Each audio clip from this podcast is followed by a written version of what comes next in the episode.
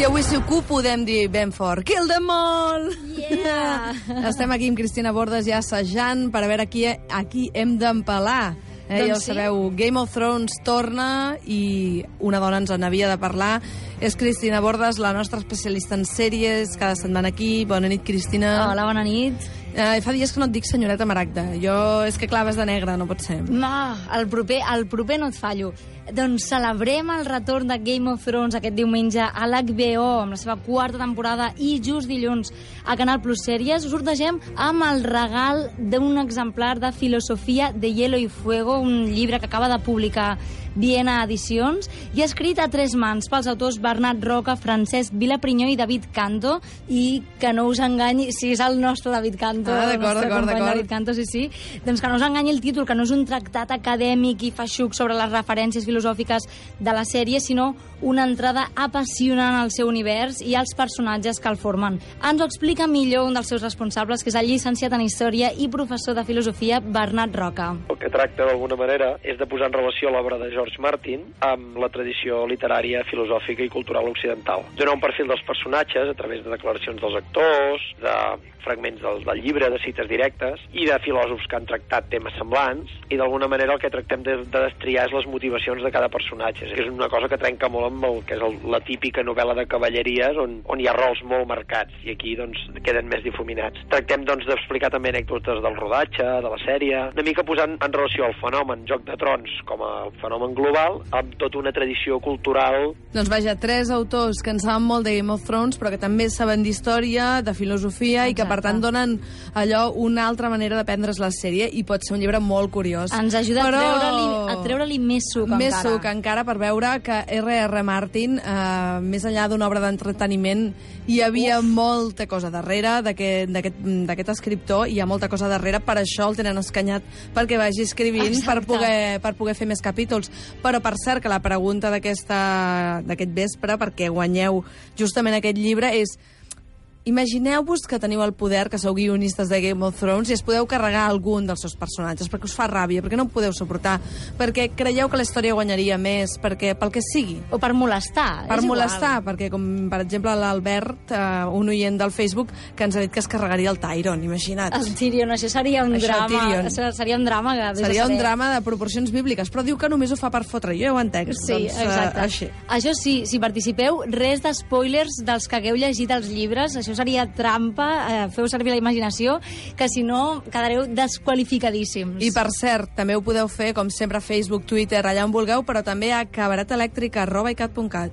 Podeu trucar-nos al 93 306 9204, escriure'ns un correu a cabaretelèctric.icat.cat o bé seguir-nos al Facebook i al Twitter, facebook.com barra cabaretelèctric o twitter.com barra cabareticat. Què més voleu? Senyals de fum?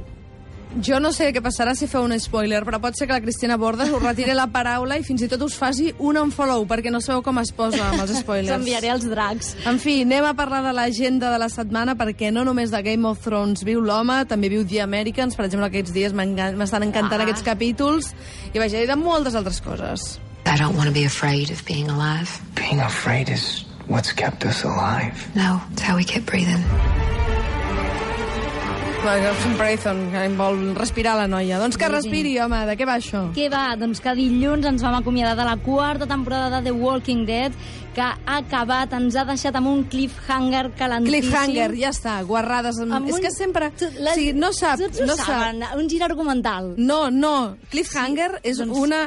no facis dir el un, que penso. Un gir argumental. Gir argumental, si tenim la paraula gir argumental, perquè hem dit, dit M'ho apunto, val, val, accepto, Home. la, accepto la fuetada, em fa mal per això.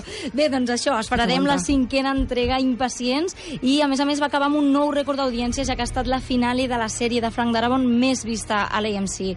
Ha estat una temporada, en general, irregular, com ens tenen acostumats, però això sí, amb grans escenes, també amb alguns capítols per omplir, però que demostra una vegada més que l'escenari d'apocalipsi zombi és una gran excusa per explicar que la pitjor amenaça que podem tenir generalment som nosaltres mateixos. Doncs escolta res, Walking Dead ja ha passat un altre. Si no l'heu vista, afanyeu-vos, afanyeu-vos perquè està allà esperant-vos. Sempre hi ha I temps. sabem que ens espera la cinquena, perquè es veu que ja n'hi ha una cinquena, no? Sí, sí, La meva sí, depiladora està, molt contenta. Està, és, és veritat, no me'n recordava. No Doncs, te'n recordes de l'anècdota de la Sí, depiladora? sí, Aquella doncs- dona que cada cop que em treu un pèl em parla d'un personatge de Walking Dead.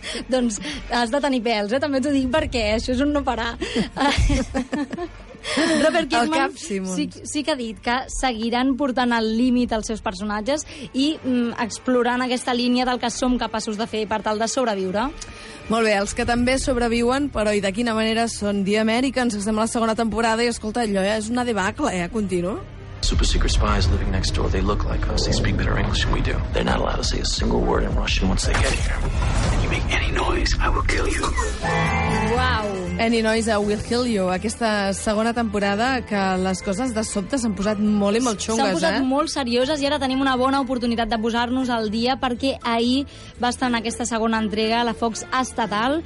Recordem aquest drama familiar disfressat de thriller polític The Americans, que és una de les estrenes més destacades de l'any passat, que va tornar a FX a finals de febrer, i ahir això debutava a la Fox, recuperant les missions d'aquest matrimoni d'espies soviètics que treballen per la KGB i han de saber-ho combinar com poden amb la protecció de la seva família, cosa que cada vegada s'està posant més difícil. Sí, sí, la veritat és que jo crec que aquí m'he de fer una mica de crítica, perquè... Sense spoiler, endavant. Sense spoiler, endavant, eh? mira-la, mira-la. Si de eh, faig una mica de crítica perquè ja sabeu que és la història d'aquesta parella, de, vaja, un matrimoni de, de, D'agents agents de la KGB. Que es fan passar per un matrimoni americà que Modèlic. tenen una vida convencional, modèlic, etc.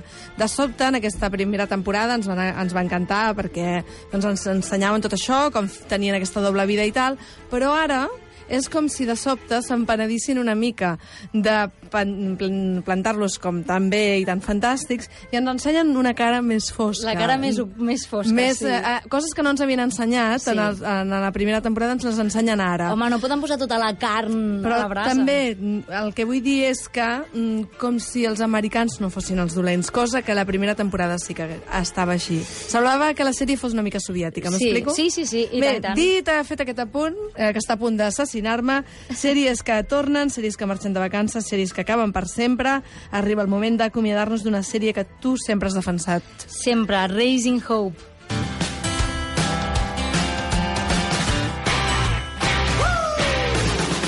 Una sèrie d'humor, per fi. Sí, una comèdia. Aquesta setmana no només ens hem acomiadat de How I Met Your Mother, perquè demà mateix la Fox emetrà el capítol final i definitiu de Raising Hope, que és això una comèdia optimista, entranyable, encapçalada per una família amb pocs recursos econòmics, però molts recursos afectius.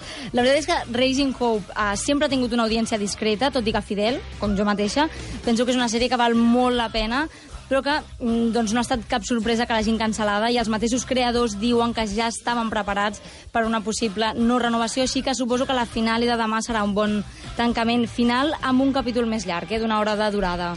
Doncs escolteu, recordem que aquesta nit estem regalant aquest llibre fantàstic de la filosofia de Hielo y Fuego que acaba de publicar la gent de Viena Edicions, que us ajudarà a completar la sèrie d'HBO, que torna aquest diumenge, Game of Thrones, eh, secrets de per què empalaven a la gent, coses maques. Ens han avisat que torna encara més èpica, amb més lluites i més batalles, més xitxa, que és el que ens Però, motiva. però, però, però, ens heu de respondre a la pregunta de la nit. A qui us carregaríeu de Game of Thrones? I dit això, ha arribat el moment de la cançó de la setmana. Què em portes? Doncs una versió precisament del tema principal de Game of Thrones en clau de hip-hop. Què me dices? La tinc des de fa temps allà guardada, no veia el moment de compartir-la mm, i que millor que aquest espai, no? Mm, Montse, Marçà, deixeu-lo l'estona que vulgueu, però jo la deixaria sencereta. Ja està, amenaçant. No spoilers, sí amenaces. Vaja, doncs ens quedem amb aquest tema i tu, Cristina Bordes, la setmana que ve et vull maragda perquè no pots anar, eh? Sembla que se t'hagi mort el canari. Em comprometo. Bona nit. Adéu. Alright, fuck it. Real talk. Time off. I needed to do this song. Yo, I'm a nerd. It's a big secret, but I'm a nerd. And I love these books. If you watch it on HBO and think you know what's going on, I appreciate that. The people who waited five years for dance, this one's for you. Check it. Yo. On the real, your boy is a hip hop player, but for this joint here, I play. Cabaret elèctric.